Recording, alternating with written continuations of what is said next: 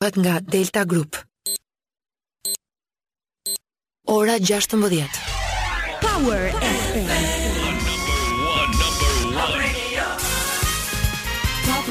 Flash në Top Albania Radio. Informacionet kryesore të ditës.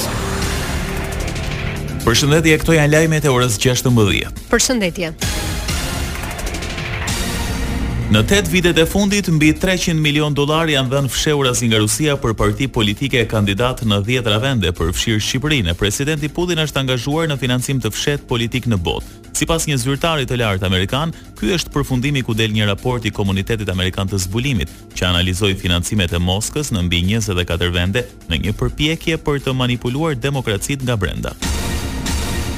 Ish-kryetari demokrat Lulzim Basha mohon informacionet e bazuara në raportin amerikan. Për Shqipërinë aty thuhet se në vitin dy mijë e shtatëmbëdhjetë përmes kompanive fantazëm Rusia i dha rreth gjysmë milion dollarë Partisë Demokratike. Në një postim në Twitter, Basha shkruan se PD Kurrë nuk ka marrë financim të huaj e aq më pak me burim rus.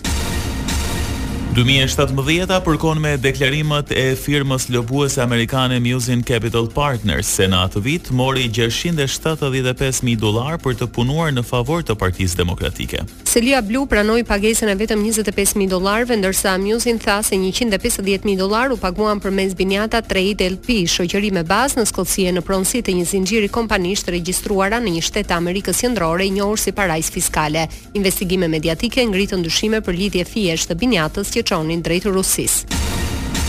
Akoma më i paqartë mbeti burimi i pesëqind mijë dollarëve që sipas Muzin Capital Partners u paguan direkt nga Partia Demokratike, por shifra figuron në kontratën me Binjatën dhe jo me PD-në, sipas revistës Mother Jones.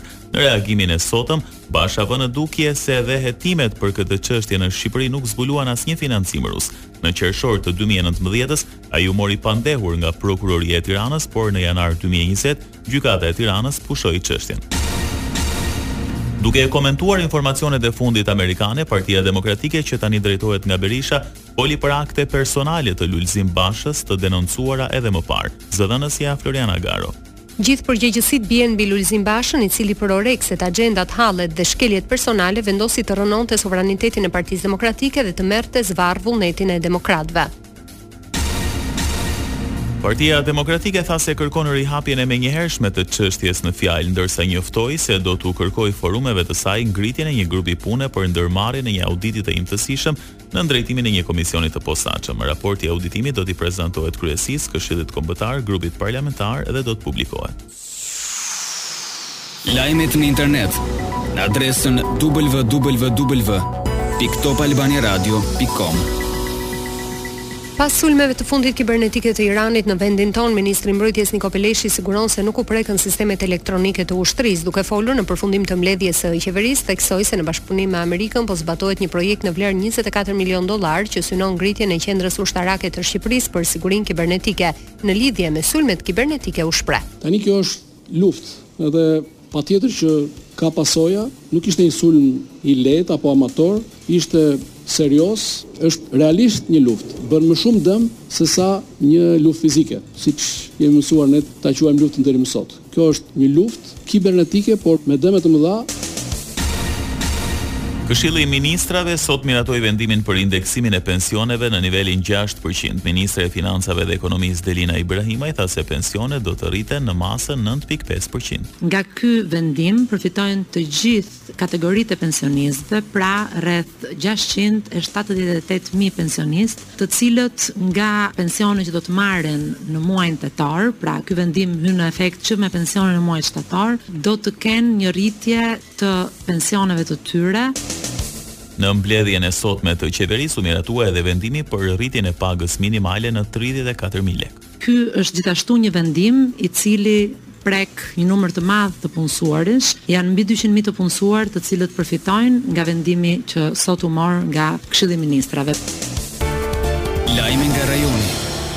Presidenti serb Aleksandar Vuçiç tha se dikur e shihte si zgjidhje rishikimin e kufijve me Kosovën, por tani jo më, pasi rrethanat kanë ndryshuar. Ideja e ndryshimit të kufijve, si zgjidhje e mundshme për mosmarrëveshjet mes Kosovës e Serbisë, u shpalos në vitin dy mijë e tetëmbëdhjetë nga vetë ai e Hashim Thaçi. Por kjo ide hasi në reagime pro e kundër në Prishtinë e në Beograd si dhe në qarqet ndërkombëtare.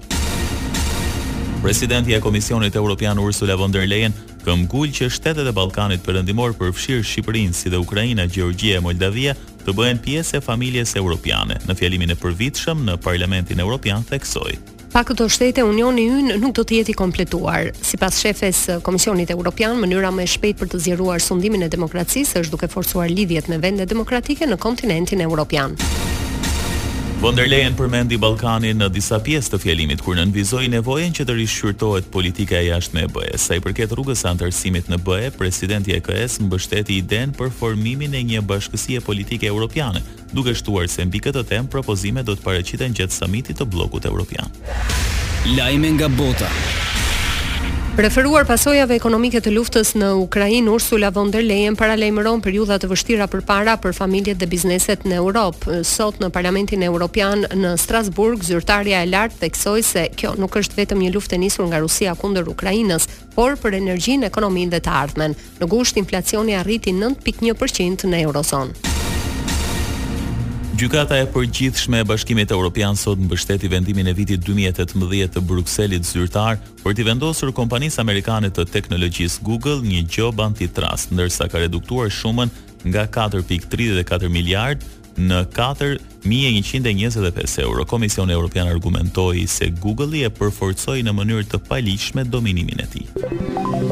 Parashikimi i motit Edhe orët në vijim vendi ynë do të ndikohet nga kushte të qëndrueshme atmosferike me mot të kthjellët, por nuk mungojnë edhe alternimet e vranësirave, kryesisht përgjatë relieveve kodrinore malore në lindje të territorit. Temperaturat variojnë nga 13 në 33 gradë Celsius. Ndoqët një përmbledhje kryesore të lajmeve të ditës. Takimi informativ i radhës në orën 17. Unë jam Edi Hallaçi. Unë jam Doriana Lato. Kjo është Top Albania Radio.